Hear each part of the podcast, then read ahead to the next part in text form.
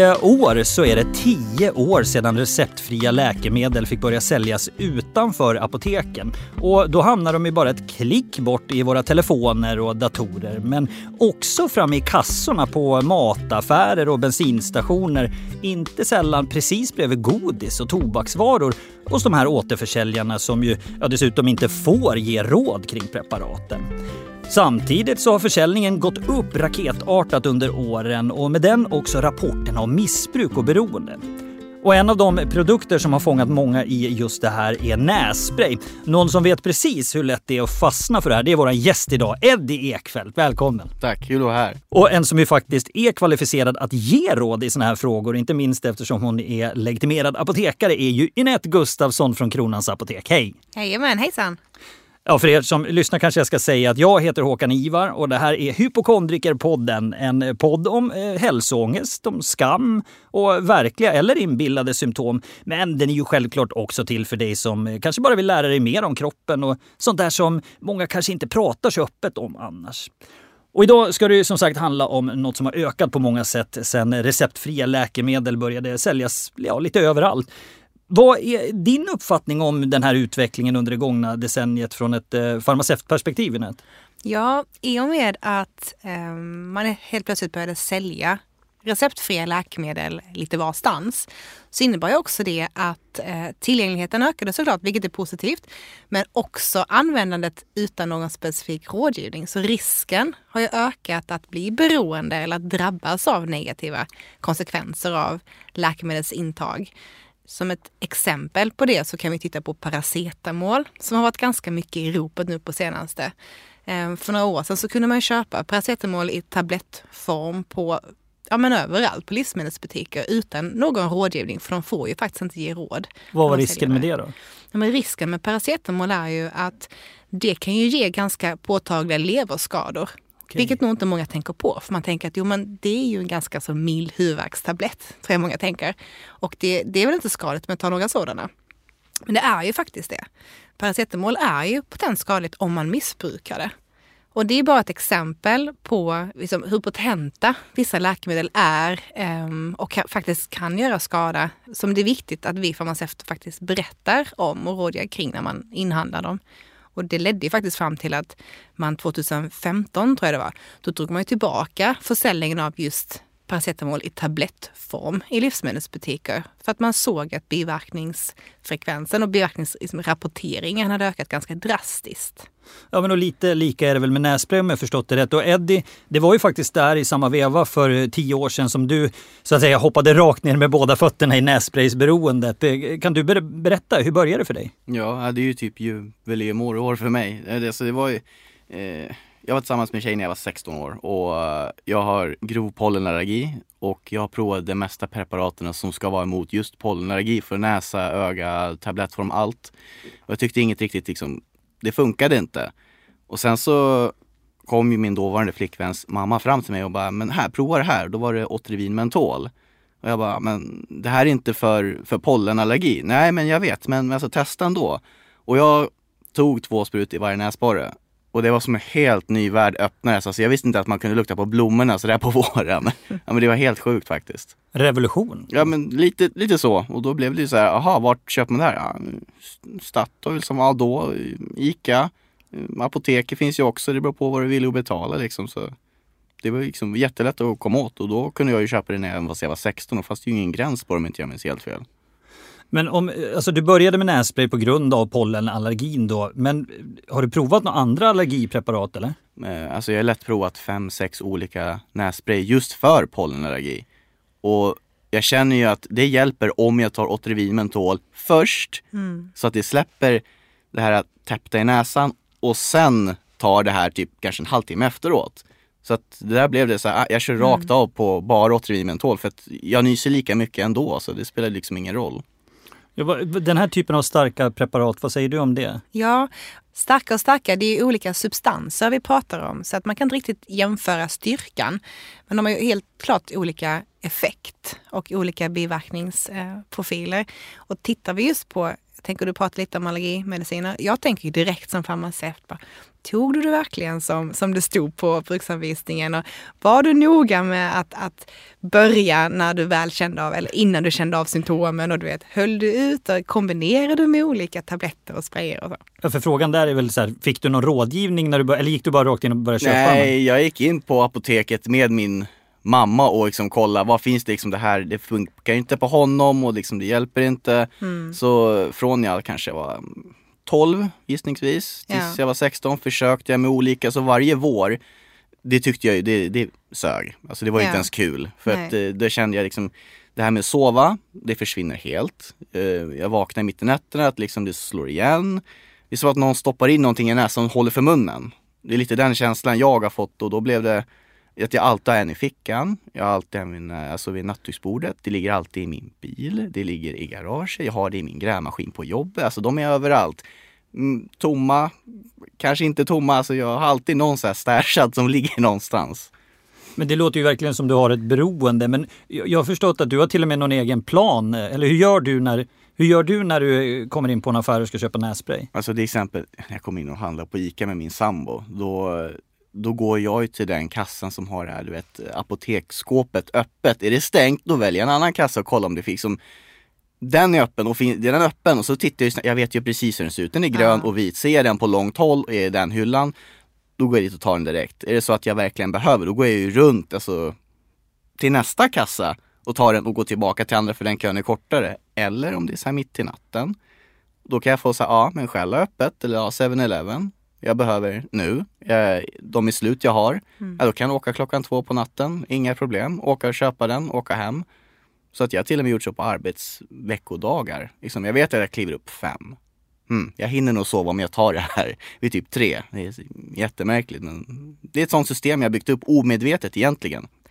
Hur känns det ifall du inte har den närheten? När du inser att nu är den slut? Känner du av att du kan bli mer aggressiv eller att du förändrar ditt personlighet lite för att du börjar stressa upp dig? Nu ska vi fråga min sambo om jag ändrar beteende. Nej men alltså egentligen, jag är det så att jag åker på, till jobbet och jag vet mm. att de i bilen är slut, de, får liksom, de är helt slut, jag bara inte kastar dem. Då kan jag bli alltså nästan fruktansvärt onödigt arg på mig själv att jag glömde den hemma eller liksom, oh, jag måste åka ända till jobbet innan jag får liksom ta det som jag alltid tar på morgonen, för jag brukar ta på morgonen och eftermiddagen och kväll om det inte är liksom värre. Mm. Men hur känner du när du åker till en mack mitt i natten och, och handlar nässpray för att du känner att du måste? Jag är rätt ensam och det, jag, jag, det, jag på, det blir så länge så liksom, det är ingenting som jag reflekterar till alls. Jättemärkligt men det är så här, ja, det, det är som en rutin, den sitter där, jag behöver det. Det är som att handla mm. korv på Ica, liksom, det spelar liksom ingen roll. Men går du på apoteket eh, och handlar också eller? Uh, nej, där handlar jag nog minst. Det är mest ekonomiskt att handla där men det blir alltid en mack eller ICA och där kostar det nästan mellan 15 och 25 spänn mer än vad de gör på apoteket. Men det är bara för att jag liksom går ju inte rutin till apoteket och köper där bara för att jag behöver det. Det finns ju på ICA. Det finns på OKQ8. Mm. Det finns liksom basically överallt och jättelätt att få tag på. Då blir att apoteket utelämnas lite grann. Har du någonsin fått rådgivning? Jag har ju för jag tror det var de första två åren, kanske när jag var 18. Mm. Då blev det bara sen när jag var på ett läkarbesök, förmodligen för något annat, och bara rådfrågor liksom. Så här, då, då är det ju ta två, tre gånger om dagen i tio dagar, sen så ska du uppsöka läkare och det. Och det har ju inte jag gjort på tio år. Så att, Nej. ja. Men hur mycket nässpray använder du då? På våren så det kan ju vara så hemskt att det blir som tre flaskor i veckan. Eh, och det kan bli ännu mer om det liksom är riktigt påtagligt för mig. Men liksom, det beror på årstider och sånt också. Vintern, då kanske det räcker med att jag har en i veckan. Kanske en och en halv vecka kan gå. Så det har med både väder och vind för just för mig att göra. Det låter ju väldigt dyrt tänker jag spontant. Har du räknat ut någon ja. gång hur mycket du har lagt ut på nässpray? Ja, alltså jag gjorde någon snabb uträkning om eh, typ en nässpray kostar 60 kronor på x antal år blir det 35 000 i runda slängar. Och det kunde jag ju lägga de pengarna på något helt annat. Det, det vet jag. Och när man ser det svart på vitt, då suger det lite grann. Ja. Det gör det. Men hur, vilket tempo kör du i? Hur snabbt plöjer du igenom en burk nässpray? Alltså när det är så här, ja typ som vår nu. Alltså jag kan ju plöja igenom en lätt på ett och ett halvt dygn om det är riktigt illa. Det är ganska mycket känns det Ja, det- spontant. Vad säger du Nett? Jo, det är det. Det är inte vad vi rekommenderar då. Utan när det är vår och man har allergi, då är det ju såklart allergiläkemedel jag liksom direkt hade dragit dig till. Och sen så hade jag ju börjat prata om, om ditt beroende som du faktiskt har. Eh, och hur man skulle kunna liksom försöka få bukt med det. Ja, alltså egentligen, jag har ju googlat lite granna och kollat. Alltså om du bränner näsan, då bränner ju polyperna, då sväller den inte. Det är ju det jag har funderat på att göra, bara för att om jag inte är täppt i näsan, då behöver inte jag det där. Ja, man, man ska passa sig för vad man läser på nätet. Jo, jo, jag ska vet. jag bara säga. Men jag har faktiskt aldrig hört att man eh, bränner eh, blodkärl näsan för just eh, detta, ska jag säga. Men ehm, Nej, näsblod har jag hört att man kan bränna bort. ja, Men- exakt. Eh, häftig näsblod, där kan man bränna bort. Men ehm, här får jag låta det vara osagt. Det, det har jag inte hört talas om tidigare. Men vad, vad händer om du inte tar den här sprayen då? Nej, Jag har ju provat härda ut en gång och det var, jag tror det var roughly tre veckor. Och jag kunde inte fokusera på jobbet på grund av att jag hade den här klaustrofobiska känslan att jag inte kan andas. Jag sov riktigt illa. Eh, Jag sov kanske, vi säger om jag går och lägger mig tio och går upp fem, då kanske jag sov totalt tre timmar i min värld i alla fall. Och jag var ju skittrött på jobbet och jag håller på med tunga maskiner på jobbet. Jag sitter ju och kör grävmaskin. Om jag skulle skada någon på grund av att jag ska lugna ner mig med nässprayen och inte kan fokusera. Jag klarar inte av att jag skulle tappa en skopa på någon och det. Då, Ja, det låter ju lite jobbigt. äh, det blev ju att en stund så blev det att äh, jag, jag vågar faktiskt inte det här just precis nu.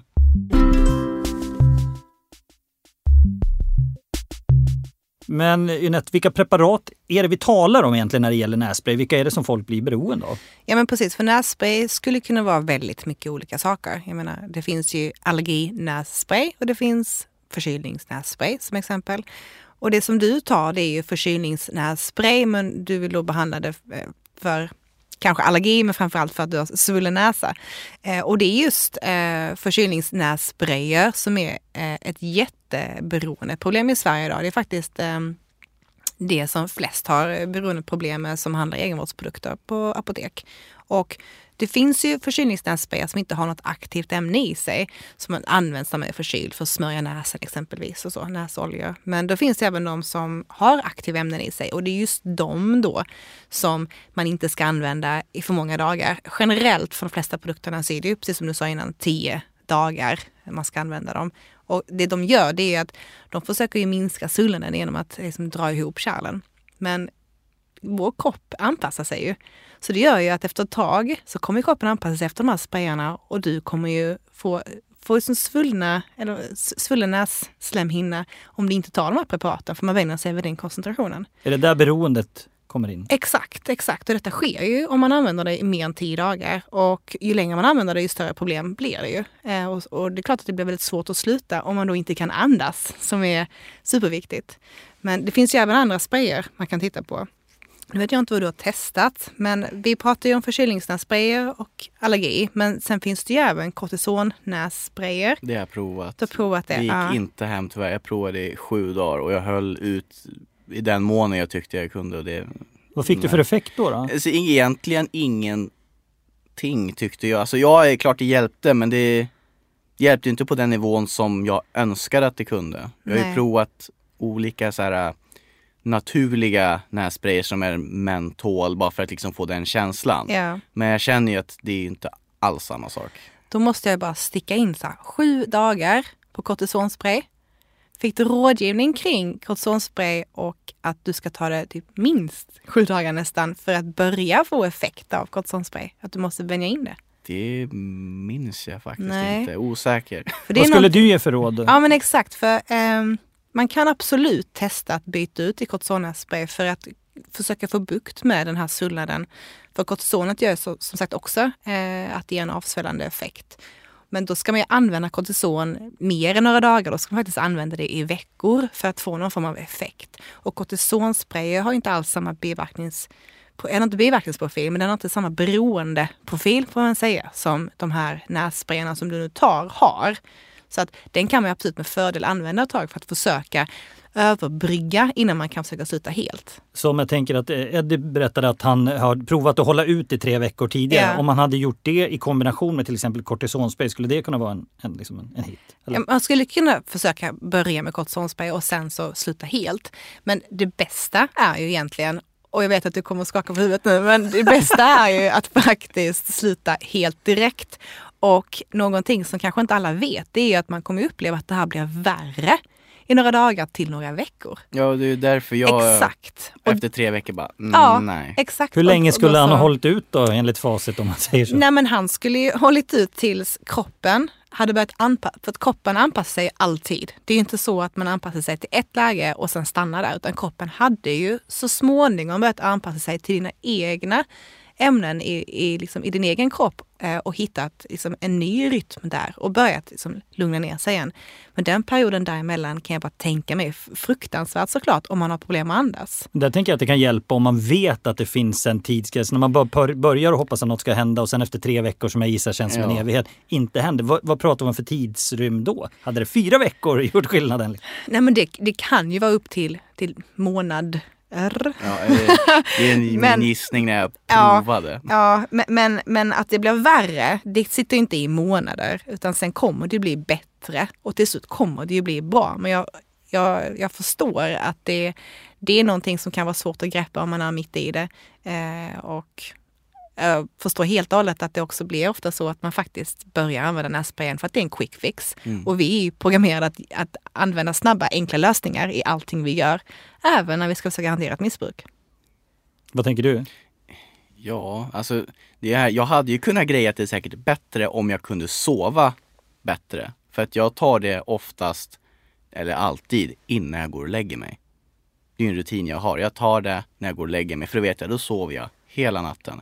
På dagen, då kan jag faktiskt hålla ut idag och vara liksom så här, ah, det är täppt, ja, jag kan vänta Ja. två, tre timmar till. Och sen under stunden kanske det blir lite bättre, sen kommer det tillbaka. Men det är just sömnen, det är den jag inte får förlora. Det är därför jag, nej nu är jag upp där. Men som jag förstår det nu, så när vi pratar om de här mer potenta nässprayerna eh, som ju kan ge en väldigt bra effekt omedelbart. Det känns, kan ju kännas som vi skräckbelägger dem lite grann när vi pratar om det, men jag tänker att om man tar dem rätt så kan de väl också vara bra? Liksom, Ja, absolut. absolut. Och det, det är såklart en balansgång det här hur man, eh, hur man tar de här sprayarna. För använder man läkemedel på rätt sätt, generellt sett, så är ju det bra att, att ta läkemedel om man har den indikationen. Men för den här typen av spray så är det också viktigt att då inte överskrida de här dagarna som det gäller. Nej men precis, för många tar väl inte den här rekommenderade tidsbegränsningen på cirka 10 dagar på allvar. På vilket Nej. sätt kan överanvändning ge motsatt effekt? Ja, alltså det blir en så kallad rebound-effekt. Så att det som du från början tog för att eh, motverka, det är ju det som, som du kommer få tillbaka. Eh, och vi pratar ju nu svullnad, det är eh, nässlemhinnan, att du försöker motverka svullnaden genom att ta spray som minskar svullnaden. Men kroppen anpassar sig till den mängden och kommer helt enkelt kräva mer för att minska svullnaden och då får du en rebound-effekt för att du kommer svullna upp om inte du tar det här sprayet då framöver. För kroppen kommer inte hitta sin egen balans. Men vad har du upplevt för biverkningar under året av de här sprayerna? Alltså biverkning, egentligen ingen biverkning i sig så. Det är mer bara att näsan har ju blivit så van att jag tar det här. När, när svullnaden kommer, då, då automatiskt tar jag det så fort jag bara, bara kan. Eh, så att det är egentligen ingen speciell, alltså, ja, i början, första två, tre åren, då blödde jag ju näsblod. Inte, ja, inte ofta, men det kunde hända. Och då kände jag liksom att det rann liksom på läppen och då bara, ja, ja det jag vet varför. Känns inte det jobbigt? Jo, då, då suger det en stund. Men då är det så att jag kör in ett kilo papper i näsan i fem minuter och sen så Ja. liksom lägger jag mig på rygg och sen så får jag hoppas att det är bra. Men har du försökt sluta helt någon gång? Ja, det har jag försökt sluta. Det är den där tre veckors perioden. Jag har försökt sluta helt, inte använda det alls. Och jag har varit en krigare när det gäller typ när jag har gjort andra skador, typ brutit benet och slutat med morfin. Då har jag slutat med morfin rakt av, jag svettades i tre dygn och sen var det bra. Fick känna mig lite som en pundare antar jag. Ja det är väl lite det. Morfin vet vi ju alla liksom, det är viktigt att inte ta det.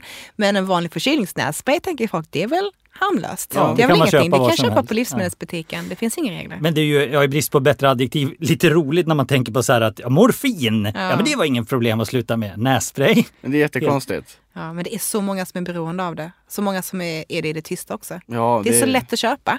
Ja men det är det, det finns på ICA, Ja. Mm. det finns all, oftast på alla mackar. Det är liksom ingenting som är, ja vad är det, då måste du vara 18 idag kanske för att få köpa det. Det är så, ja. Men vill du sluta då? Om du skulle kunna? Alltså skulle det finnas någonting jag skulle vilja så är det sluta med det, ja. Eh, Jag vill helst slippa ha det att jag alltid har den i fickan, alltid i arbetsbyxorna, i bilen. Den rutinen vill jag egentligen ta bort för det kan jag lägga de tankarna på något annat. Men finns det något jag skulle kunna göra så gör jag gärna det. Men det här med att hålla ut, det har ju inte funkat.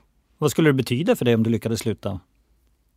Ja, egentligen ingenting. Det är mer bara att jag slipper en tanke extra varje dag. Glömmer jag någon, glömmer jag nässprayen då är det så här, ja men det är skitsamma. Eh, Jag vill inte behöva tänka, det räcker med att bara ha koll på plånbok, telefon, nycklar. Jag har liksom plånbok, telefon, nycklar, nässpray.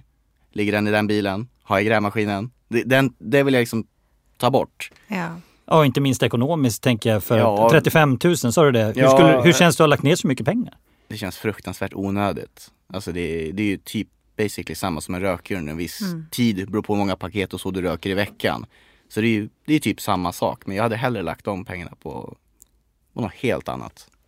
Vad har du fått eh, för reaktioner från din omgängeskrets då? Jag har jättemånga kompisar. Ska du ta en sån här nu liksom? Behöver du verkligen det? Och då blir det så här, ja, ja låt mig vara. Men det är liksom både min sambo och liksom min mamma och pappa liksom har sagt liksom det kanske har gått överstyr. Ibland så bara, har du slutat? För de har sett liksom typ på vinterhalvåret, har du slutat? Nej, jag behöver inte bara ta lika ofta. Varför vet jag inte. Men det är när det blir varmt som det blir jobbigt. Ja, typ som i som, förra sommaren som var, då när det var så här 30 plus i solen. Och när kroppen blir varm och du känner liksom, man känner sig svullen i kroppen och då blev det ju, ja, men det var ju värdelöst. Det, det sög riktigt hårt faktiskt. Ja. Pratar du med dina vänner om det här? Nej, inte prata med att de påminner mig. Så behöver du verkligen det? Jag Bara, ja, just nu behöver jag den, men egentligen behöver jag ju inte det. Men liksom, de påminner mig så konstant. Men Inette, hur gör man då för att bli av med det här nässpraysberoendet? Vad brukar man få för råd? Ja, de råden man får eh, är ju för det första att sluta helt. Vilket jag vet att du har försökt testa. Eh, och att det inte är så lätt. Men det är ju det, är det bästa att göra. Och då ska man ju också veta med sig att gör man det, slutar man ta de här sprayarna, då kommer ju näslemhinnan att svulla upp. Och de första dagarna till kanske veckor så kan man till och med uppleva att det blir värre. Men det kommer ju, om man bara håller i sig, att faktiskt minska igen med tiden. Men det är en lång period och det kommer vara svårt att andas. Och andning gör ju att man får panik såklart och vill börja spraya igen. Men där är det verkligen bara hålla ut. Så det är egentligen det bästa rådet. Sen finns det lite olika saker folk gör. Vissa vill då eh, exempelvis gå ner i dos för man tänker att det kanske hjälper då att försöka trappa ner. Och det är kanske ingenting vi rekommenderar som vi, vi ser ger effekt, men det kanske har en psykologisk effekt att man börjar där. Men eh, någonting som faktiskt skulle kunna funka det är att gå över till kortisonspray istället. Och kortison det har ju också en liknande effekt eh, i form av att det också är avsvällande för nässlemhinnan. Så att man också kan andas lättare. Men kortison har inte alls samma eh, beroendeframkallande effekter som de här förkylningssprayarna har då. Och det är också så att när man tar kortisonspray så ska man ju ta det under några dagar innan man börjar få effekt. Och sen då efter kanske en vecka, då kanske du börjar kommit upp i den koncentrationen där du känner att du får effekt. Och då ska man ta det regelbundet under längre tid för att då försöka avvänja sig från, från det andra nässprayet. Men även kortisonet ska man ju sluta ta vid något tillfälle och också trappa ner för att till slut eh, vara fri från det. Men hur är det med sån här nässköljning och sånt som man har hört? Vad är det? Ja, det finns ju såklart också eh, andra former av nässprayer som du är inne på, typ koksaltlösning, eh, någon form av vattenlösning. Det är som när man sett folk med såna här näskannor. Står och Exakt, liksom, det, det kan ju vissa göra. tycker, det känns spontant lite obekvämt. Ja, jo men det, det finns ju även i sprayform. Så du behöver inte stå med en sån nässkölj. Men, men det är ju samma sak egentligen. Eh, och det- och det, som, det som det gör där det är att men det rensar ut snor och, och, och slaggprodukter och så. Det kan vara ganska skönt uppfriskande att spraya med det.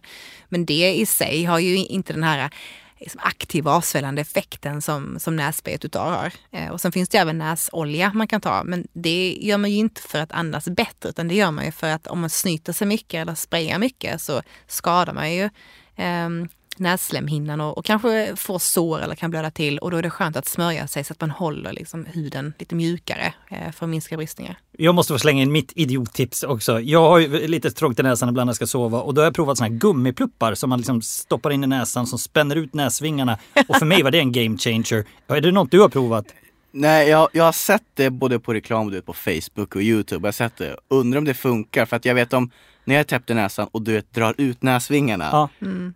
Då känner jag automatiskt som att det går att andas mycket bättre men jag pallar inte sitta och hålla i dem liksom bara för att kunna andas bra. Du måste ju sköta grävskopan liksom. Ja, ja visst. Men då, då, då kan du, vad säger du om min teori? Jeanette? Ja, alltså det som du pratar om det är ju faktiskt någonting man har mot snarkningar egentligen. Eh, och, så att jag hade väl inte liksom, eh, dragit dig Eddie till den hyllan och börjat liksom, ta ut de produkterna. Men anledningen där är väl framförallt för att tittar man på hela liksom, näshålan så har du ju problem inte bara längst ut som den här faktiskt liksom, vidgar som du, du kommer antagligen ha problem även längre in där det är svullet. Så att nässprayarna når ju en större del av näshålan än vad den här lilla ut heter det, uttöjande grejen Näsvingarna. gör. Näsvingarna gör jag. Så att jag hade inte så här Åh, spontant jag som trodde jag hade löst det. hela grejen. Åh, vad besviken jag blir. Men allvarligt talat Eddie, vad, vad skulle till för att du skulle göra slag i saken och, och sluta med nässpray? Jag vet inte, jag brukar vara en riktig så här, ursäkta mig, en jävel på liksom, det här ska gå. Men det här, jag vet inte, det är bara Det här behöver ju på något sätt hjälp med på ett eller annat sätt. Mm. Jag har ju försökt det här med Håll ut, det blir värre och jag orkar inte. Jag har provat olika preparat och sen det här som du pratar om så spänner ut näsan när jag tittar på. När vi pratade om det på telefon för några veckor sedan. Liksom, jag har försökt inom i alla fall fyra år, fem års tid. I alla fall halva den här tiden jag har hållit på med ett eller annat preparat eller sätt eller bara bita i om det funkar. Och det, det har inte riktigt liksom bitit tag så på den, på den nivån som jag vill. Men jag tolkar det här som att det betyder att du skulle vilja sluta med nässprayen, är det så? Absolut. Tack Eddie för att du kom och berättade om det här framförallt. Ja, tack själva. Och vad säger vi om det här nu Anette? Ja, vi kan väl säga att det är viktigt att veta att läkemedel som kanske man tror är ganska harmlösa eh, kan ha stor påverkan på ditt liv. Eh, och att det är viktigt att inte bara köpa läkemedel i livsmedelsbutiker utan att ha en tanke på att det man stoppar i sig faktiskt kan ha både bra effekter och lite mindre bra effekter. Eh, och till och med kan ge beroende. För jag tror inte det är många som vet att nässpray faktiskt kan ge sådana beroenden som påverkar ditt liv så pass mycket som den då gör. Så vad är ditt råd?